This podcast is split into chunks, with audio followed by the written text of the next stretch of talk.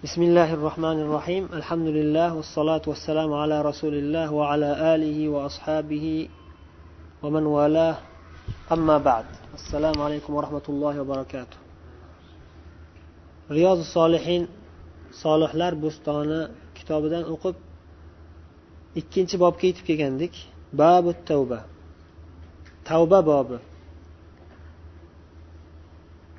Imom navoiy rahimaulloh aytyaptilarki babu tavba. قال العلماء التوبة واجبة من كل ذنب.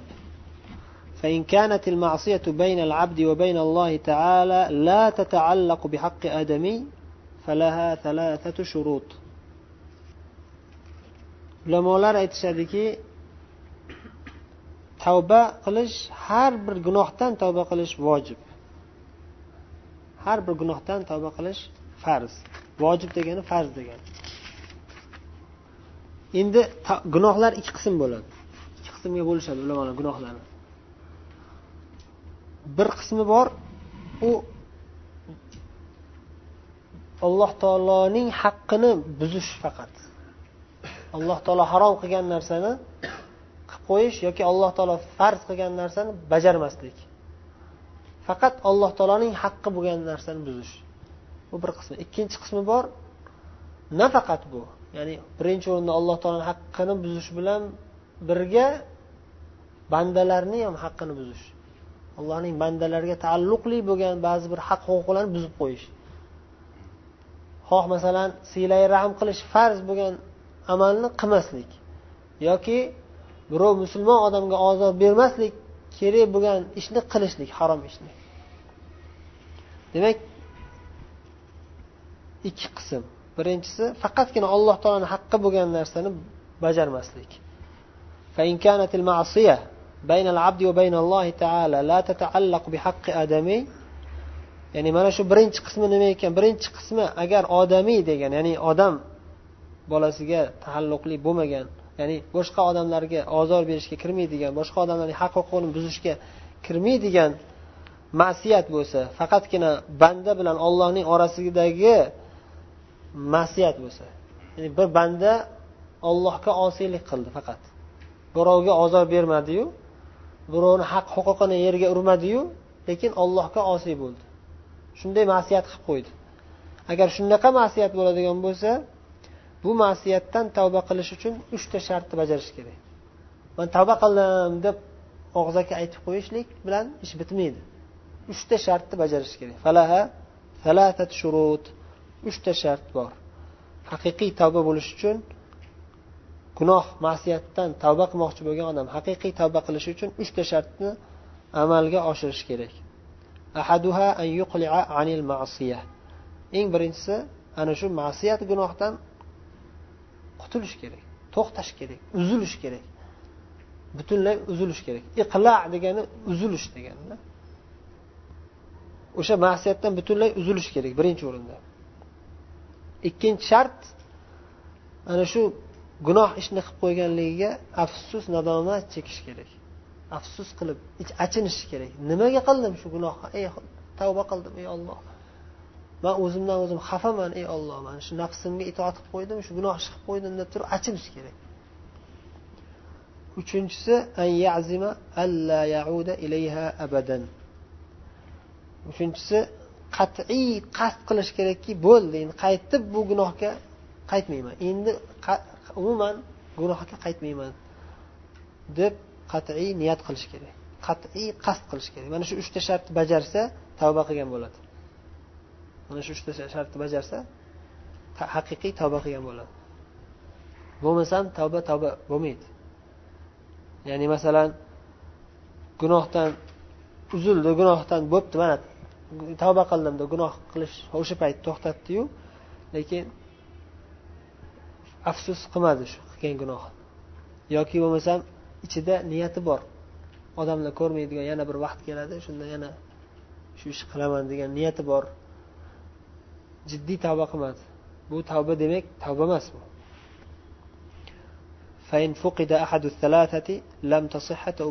Dedilar. Mana shu uchta shartdan bittasi yo'qolib amalga oshirilmasa uning tavbasi sahih emas to'g'ri emas. Tavbasi qabul bo'lmaydi. Demak bu birinchi qism gunoh. Ishdan tavba qilish shartlari. Endi ikkinchi qism gunoh nafaqat ollohning haqqini buzishlik balki odamlarga ham ozor berishlik odamlarning haq huquqini ham buzishga kiradigan gunoh bo'lsa to'rtta shartga aylanadi.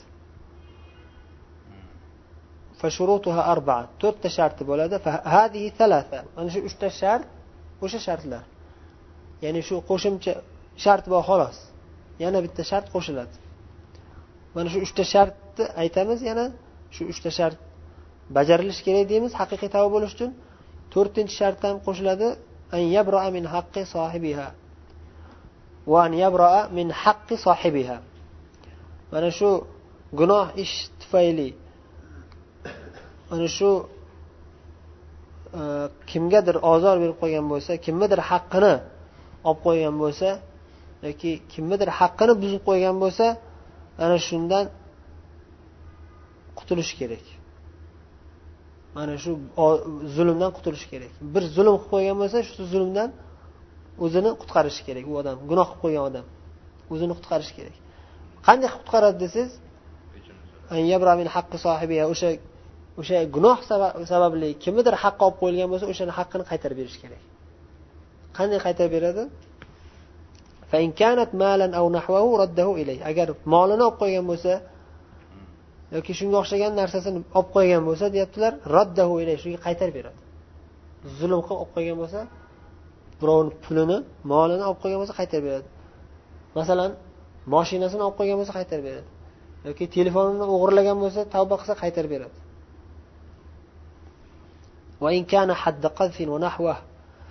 Ammo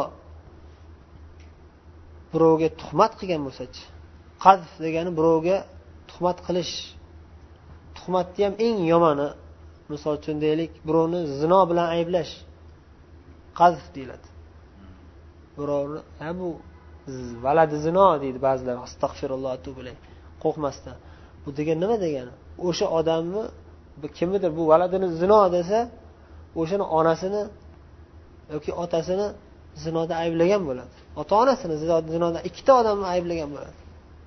Bu juda ham katta gunohlardan eng katta gunoh kabiralardan bittasi. Rasululloh sollallohu alayhi vasallam sanagan eng katta gunoh kabiralardan bittasi. Qattiq ogohlantirgan gunoh. Shunga o'xshagan gunoh bo'lsa nima qiladi? Makkanahu minhu aw talaba afwahu.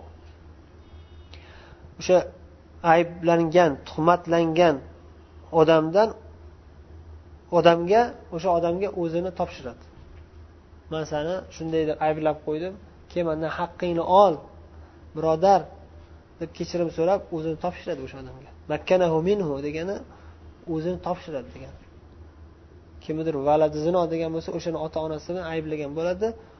U ota onasi tirik bo'lsa u ota onasi o'zini haqqini olish olishga haqqi bo'ladi. Bo'lmasam o'sha o'shani farzandi haqqi olishga o'sha ota onasini haqqini bu odamdan olishga haqqi bo'ladi. San mani ota onamni e, harom ish bilan ayblading deb turib ota onasidan vakil bo'lib haqqini olishga haqqi bo'ladi ya'ni. Demak o'zini topshiradi. Av talaba afvahu yoki kechirim kechirishini talab qiladi. Kechirim so'raydi. Kechirgin deb. Man shunaqa deb qo'ydim kechiring mani birodar deb kechirim so'rab shajoat qilish kerak. Gunoh ish qilib qo'ygan odam tavba qilishda shajoatli bo'lishi kerak. Haqiqat uchun uyalmaslik kerak. Uyalmasdan hijolat bo'lmasdan orlanmasdan sharmandalikdan qo'rqmasdan borib ochig'ini aytish kerak. Man shunday gunoh qilib qo'ydim sani haqqingni buzib. E agar birov odamlarni haq huquqiga taalluqli gunoh bo'lsa unda shajoat boshqacha tasavvur qilmaslik kerak. Man shunaqa ish qilib qo'ydim deb turib o'zini sharmanda qilmaslik kerak. Bekitish kerak.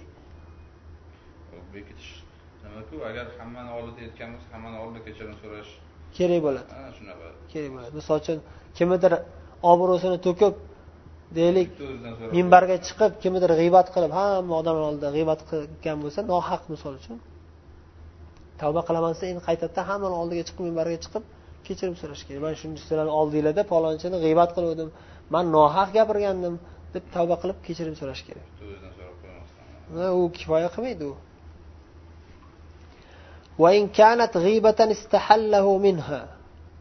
agar g'iybat qilgan bo'lsa o'sha demak istahallahu minha o'shani meni kechiring deb turib o'zini shu gunohdan ozod qilishni talab qilish kerak istahallahu minha halol bo'ldi shu sizni nomusingizni yoki obro'yingizni to'kib qo'ydim endi shu narsani man kechiring deb turib halollik halol qilib berishini talab qilish kerak istahalla o'zi aslida halol qilish degan ma'noda olingan lekin bu yerda maqsad o'sha kechirishlik bu yerda. Kechiring ma'noda turib.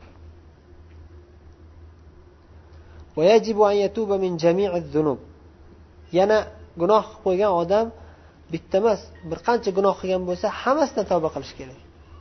Hamma gunohlardan tavba qilish kerak. Har xil gunohlar qilgan deylik. O'g'irlik qilgan aroq ichgan namoz o'qimagan desak misol uchun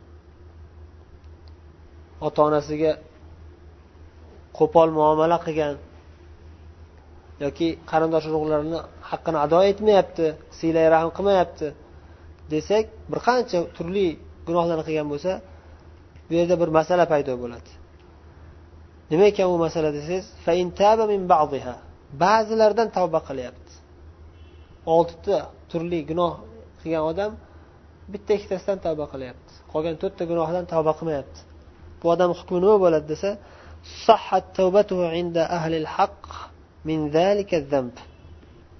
qaysi gunohdan tavba qilgan bo'lsa o'sha gunohdan qilgan tavbasi qabul bo'ladi inshaalloh. Sahhat degani to'g'ri tavba bo'ladi degani. Ya'ni qabul bo'lish bo'lmasligini biz bilmaymiz chunki bu narsa g'aybiy narsa. Lekin biz zohiriga qarab hukm chiqsak aytamizki ha to'g'ri tavba deymiz. Shartlari amalga oshgan tavba deymiz. O'sha jihatdan aytyaptilar sahhat tavbatu. Tavbasi sahih to'g'ri bo'ladi. Inda ahli haq haq so'zni aytgan haqiqat ustida bo'lgan ulamolarning ra'ylariga binoan ba'zi bir gunohlaridan bo'lsa ham tavba qildimi o'sha tavba qilgan gunohlari kechiriladi. Inshaalloh o'sha tavbasi sahiy bo'ladi deyaptilar. Lekin bu degani bo'ldi u odam hamma gunohidan qutuldi degani emas. Baqiya alayhil baqi. Qolgan gunohlaridan qutulolmadi hali. O'sha qolgan gunohlari bor hali. Undan ham tavba qilish kerak. Bu degani bir oddiyroq qilib tushuntiradigan bo'lsak o'nta gunohdan beshtasidan tavba qilsa o'nta azob emas beshta azob qoldi. Xatar. Beshta azob xatari turibdi hali. Beshta gunohga tayinlangan azob uqubatlar kutib turibdi buni. yana xudo saqlasin tezroq tavba qilib qolish kerak وقد تظاهرت دلائل الكتاب والسنة وإجماع الأمة على وجوب التوبة kitobu sunnat ya'ni qur'oni karim va hadisi shariflarning dalillari tazohirat zohir bo'lib ochiq oydin ko'ringan ko'pligidan bu gapni ulamolar juda ko'p degan ma'noda ishlatishadi tazohirat zohir bo'lib ko'rinib turibdi degani ya'ni juda ko'p degani Oyatlar hadislar juda ham ko'p va ijmaul umma islom ummatini ittifoq qilgani ham ochiq oydin qaysi masalada? Ala vujubi tavba tavba qilish farzligiga. Ya'ni tavba qilishimiz gunohlarimizdan tavba qilishimiz farz ekanligiga qur'onda bir qancha oyatlar bor. Farzligini bayon qilgan oyatlar. Hadis shariflardan bir qancha hadislar bor hadis shariflar bor tavba qilish farzligini bayon qiladigan hadis hadis shariflar. Va islom ummati ulamolari hammalari bir ovozdan ittifoq qilishganki tavba qilish farz deb endi mana shu masalaga ba'zi bir hujjatlarni qur'on hadisdan zikr qilib o'tmoqchilar. Imom navoiy rahmaulloh birinchi oyat قال الله تعالى وتوبوا إلى الله جميعا أيها المؤمنون لعلكم تفلحون alloh azza va jalla aytyaptiki oyat karimaning ma'nosi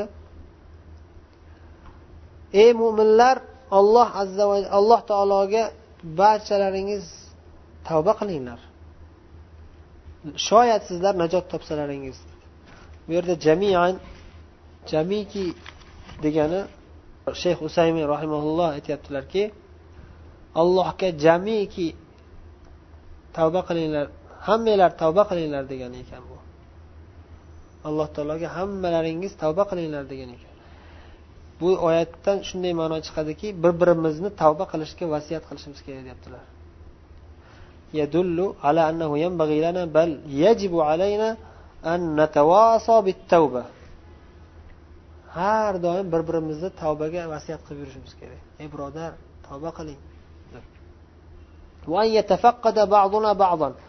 Bir birimizni kuzatib kuzatib deganda gunoh ish qilayotganini kuzatib emas.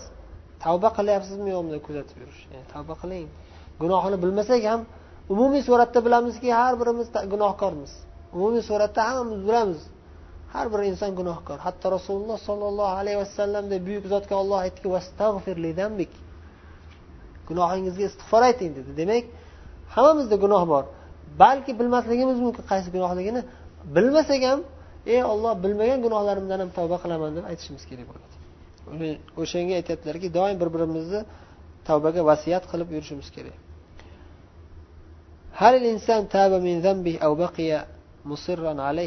Ba'zida ba'zida shunday holat bo'ladiki birodaringizni gunoh ish qilayotganini bilasiz ko'rasiz. Lekin o'sha birodaringiz buni gunoh deb e'tirof etmaydi. O'shanga nasihat qilishimiz kerak bo'ladi. Ey birodar bu gunoh masalan sigaret chekadiganlarni olsangiz. Ha? Sigaret harom deb o'ylamaydi yoki haromligiga qanoat hosil qilmaydi. Bu degani ha buni ra'yida harom emas ekan u gunoh emas deb o'ylayapti gunoh emas ekanda uni fikrida uni ra'yida. Man bir marta aytdim bo'ldi deb ketmasligimiz kerak tashlab qo'ymasligimiz kerak. Balki doim eslatib turishimiz kerak. Birodar siz qanoat hosil qilasizmi hosil qilmaysizmi? Sigaret bu gunoh bu harom bu. Nimaga? Chunki turgan bitgani zarar hech qanday foydasi yo'q. Deb nasihat qilishimiz kerak. Va hokazo boshqa masalalarda biz gunoh deb bilgan narsamizni aytishimiz kerak. Ba'zilar kino ko'radi misol uchun. Ey birodar ko'rmang bu kino ko'rmang. Desangiz oldingizda ochiqchasiga ko'rayotgan bo'lsa nasihat qilib aytishingiz kerak. Tavba qiling. Gunoh. Kinoni ham hammasi harom emas ya'ni biza umumiy qoidada bir qoida bilan aytishimiz mumkinki qaysi kino harom degan savol kelsa javob shuki uchta shart bor kinoni harom deyish uchun. Uchta shart emas uchta ya'ni uchta holatdan bittasida harom deb ayta olamiz birinchisi e'tiqodga xilof narsalarni kirgizib ketadigan kinolar. Xoh shirkiy narsalarni kirgizsin miyaga xoh multfilm bo'lsin xoh kattalar ko'radigan kino bo'lsin agar e'tiqodga zarar keltiradigan narsalarni kirgizib keladigan kinolar bo'lsa o'sha narsa harom deymiz. Ikkinchisi axloqni buzadigan narsalar kirgizadi. Axloqni buzadigan narsalar masalan deylik nomahram ayollar chiqadi. Hijobsiz ayollar chiqadi. Yoki o'shalar erkaklar bilan ayollar o'rtasida har xil narsalarni tasvirlaydi. Bu axloqsizlik behayolik narsalar bor kino demak harom. Uchinchisi e, ba'zilar harom deb o'ylamaydigan narsalar bo'ladi biz harom deb bilamiz. Misol uchun muzikalar muzikalar bo'ladi kinoda.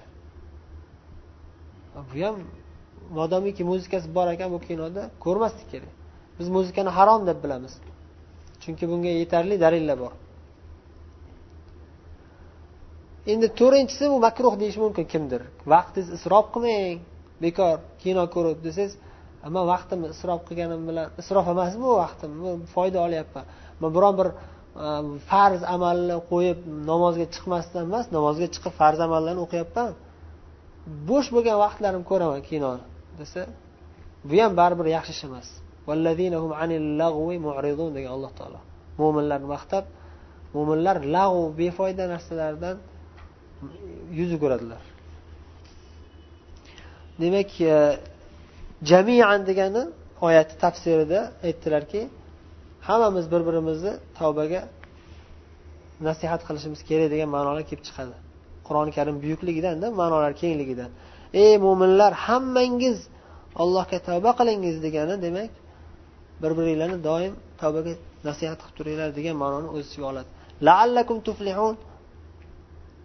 Shoyat najot topsalaringiz tavba qilganingiz uchun.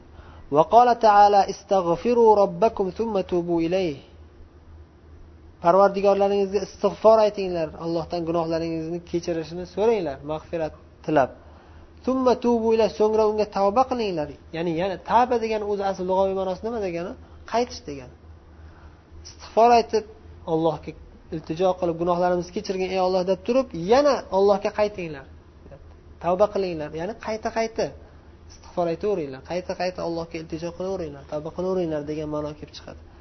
Takror emas bu. Befoyda takror emas bu. Ya'ni qayta qayta tavba qilinglar degan ma'no bayon qiladi. Yana alloh taolo aytyaptiki ya amanu tubu ilallohi nasuha.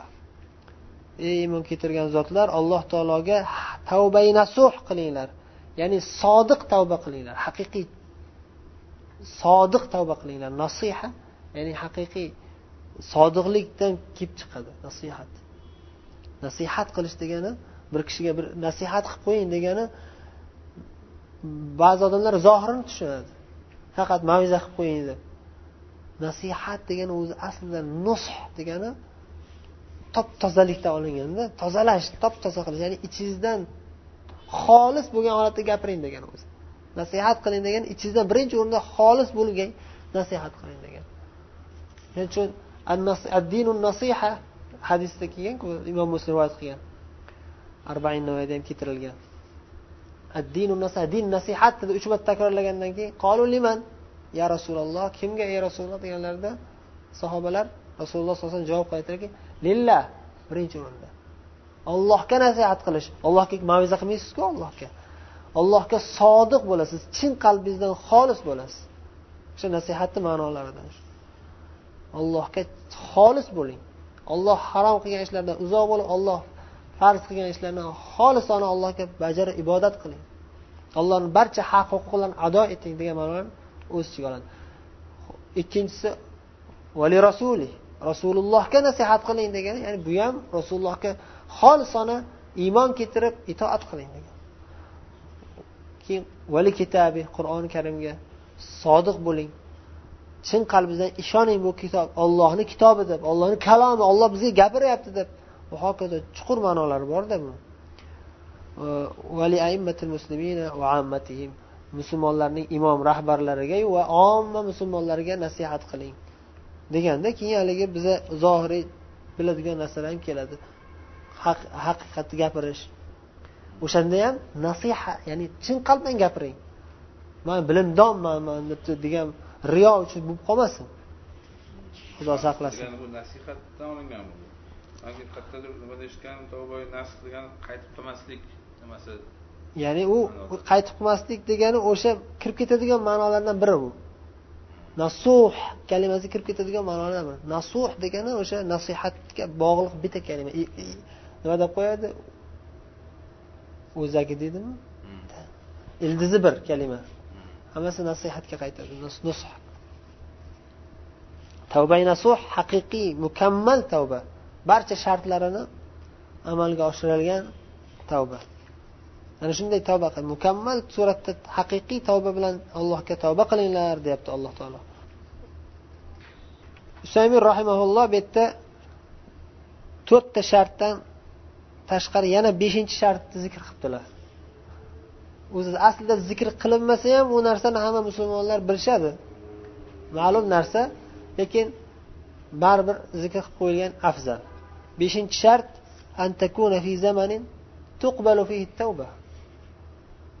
tavba qilish ham qachondir bo'lishi kerak. Qachondir qabul bo'lmay qoladi. Shuning uchun aytyaptilarki beshinchi shart tavba qabul bo'ladigan zamonda ulgurib qoling tavba qilishga. Beshinchi shart hayot bo'lgan paytingiz. Quyosh mag'ribdan chiqib qolishidan oldin o'lim yoki ruh joningiz halqumingizga yetib kelishidan oldin tavba qilib qoling. Ammo bir kishi o'layotganda keyin farishtalarni o'lim farishtalarini ko'rgandan keyin tavba qilsa u foydasi yo'q. Halqumiga kiyib bo'lgan bo'ladi jon. Fir'avnga o'xshab yoki boshqa ko'p zolimlarga o'xshab ko'zi ochiladi. Qachon? Jon taslim qilayotganda. Alloh asrasin. Unday bo'lib qolishdan alloh asrasin. Tuqbalu tavbatu ahadikum malam yug'arg'ir. Hadisda kelgan balki zikr qiladilar imom navoiy adashmasam e, sizlarni tavbalaringiz qabul bo'ladi modomiki o'sha jon g'arg'araga kelmagunga qadar. G'arg'ara bo'lgandan keyin bo'ldi. To'xtaydi. ya'ni jon halqumga yetib kelsa tavba qilish muddati to'xtaydi tugaydi فإن تاب في زمن لا تقبل فيه التوبة لم لم تنفعه التوبة tavba qabul qilinmaydigan zamonda tavba qilsa unga tavba foyda bermaydi dedilar sharhda oyatlardan dalil keltirdilar bunga mashhur masala bu hammamizga ma'lum inshaalloh endi e, hadislarni zikr qilishga boshladilar o'n uchinchi hadis bu shayx usaymin rahimaullohni sharhlari bilan chop qilingan riyoz solihinda raqam o'n uchinchi raqam عن أبي هريرة رضي الله عنه قال سمعت رسول الله صلى الله عليه وسلم يقول والله إني لأستغفر الله وأتوب إليه في اليوم أكثر من سبعين مرة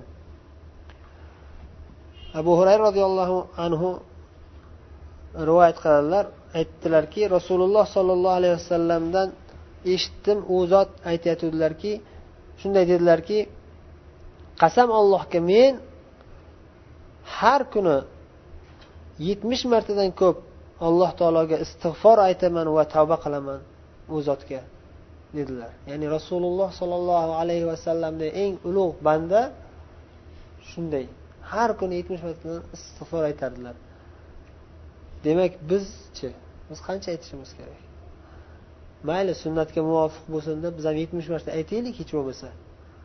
O'zi aslida biz ming marta aytishga ham e, loyiqmiz. Gunohlarimiz mingtadan ham ko'p. Allohu alam. Lekin hmm, hech bo'lmasa yetmish marta aytsak ham katta yutuq. Ravohul buxoriy imom buxoriy rivoyatlari. o'n to'rtinchi hadis ibn بن يسار muzani رضي الله عنه قال قال رسول الله صلى الله عليه وسلم يا أيها الناس توبوا إلى الله واستغفروه فإني أتوب في اليوم مئة مرة. أغر ابن يسار المزني دقان صحابي رضي الله عنه رواية قضيت رسول الله صلى الله عليه وسلم اتلر اي إنسان insonlar allohga tavba qilinglar va u zotga istig'for aytinglar. Ya'ni istig'for bu ham tavbaga o'xshash bir xil narsa. Faqat e, bu yerda mag'firat lafzi bilan mag'firat talab qiling gunohlarni kechirishni talab qilinglar. Dedilar keyin aytdilarki o'zlarini namuna sifatida chunki men bir kunda yoki har kuni yuz martadan tavba qilaman dedilar. Bundan oldingi hadisda yetmish marta dedilar. Yetmish marta demadilar yetmish martadan ortiq yetmish martadan ko'p dedilar. Bu yerda yuz marta dedilar. Bu degani yetmish bilan yuz orasida degani. O'zi arab tilida bir arab tilida o'zi bir qoida bor. Bir raqamni jabr qilish bor kasr qilish bor. Agar jabr qilsa ko'paytirib aytiladi kasr qilsa kamaytirib aytiladi ya'ni masalan yuzga yaqin raqam bo'lsa yuzga yaqin raqam yuzga yaqinlashdi hisob bo'ldi. Endi e, ellikdan ko'payib ketdi yuzga yaqinlashdi. Shunda jabr qilsa to'ldirib aytsa yuz deydi. U yolg'onga kirmaydi. Bu urf urf odatga kirgan narsa bu. Yuz marta deb aytsa joiz. Yuzga yaqinlashgandan keyin yuz marta desa joiz. Kasr qilsa kamaytirib aytsa masalan yetmish marta desa ya'ni kamida yetmish marta degani. Yetmish martadan ko'p yuzga yaqin degan kamaytirib aytsa yetmish marta desa ya'ni kamida yetmish marta degani. Haligi hadisda ham shu ma'noda kelgan. Ulamolar sharhda aytishadi. Iymon yetmish uchta e, iymon bo'laklari yetmish nechtadir ham deganlar rasululloh sollallohu alayhi vasallam bir rivoyatda. Imom muslim rivoyatida. Imom buxoriy rivoyatlarida oltmish nechta ham bo'lakdir deganlar. Oltmish nechta ham bo'lak desa bu yerda sal boshqacharoq bo'lsa ham ya'ni katta katta bo'laklarini hisoblaganda oltmish nechta bo'ladi undan sal kichkinaroq bo'laklarni ham qo'shib hisoblasak yetmish nechta bo'lak bo'ladi. Undan ham kichkinaroq mustahab amallarni ham kichkina kichkina mustahab amallarni ham iymondan hisoblanadi u ham. Kichkina sizni ko'zingizga kichkina bo'lib ko'rinsa ham lekin o'zi buyuk amal o'zi aslida biz aytamiz mustahab savobli ish qilmasa gunoh bo'lmaydigan e, odamlar kichkina bir amal deb hisoblaydigan amallar ham savobli ishlar ham iymondan hisoblanadi iymon bo'laklaridan hisoblanadi. Agar ularni ham hisoblab ularni ham bir iymon daraxtining iymon daraxtining shoxlaridan yoki barglaridan deb hisoblayman desangiz undan ham ko'p bo'laklar bilan hisoblanib ketadi. Yetmish uchta emas bir necha yuzta bo'lib ketadi. Bir necha mingta bo'lishi ham mumkin. Lekin bu hadisda ya'ni o'sha iymon oltmish nechtadir yoki yetmish nechtadir deganda eng kattalarini hisoblab aytilgan. Eng katta amallar yoki bitta shox uni ichida bir qancha bo'laklari bor bir qancha barglari bor. Hammasi yaxshi solih amallar. Shularni jamlab turadigan kattarog'ini bir bo'lak deb turib hisoblansa shunda oltmish nechta bo'ladi yoki yetmish nechta bo'ladi. bir biriga qarama qarshi emas bu narsalar. Qolgan solih amallar shuni ichiga kirib ketadi. Bugun shu bilan kifoyalanamiz. Subhanakallohu bihamdik. Nashhadu an la ilaha illa ant. Nastag'firuka va natubu ilayk. Vassalomu alaykum va rahmatullohi va barakatuh.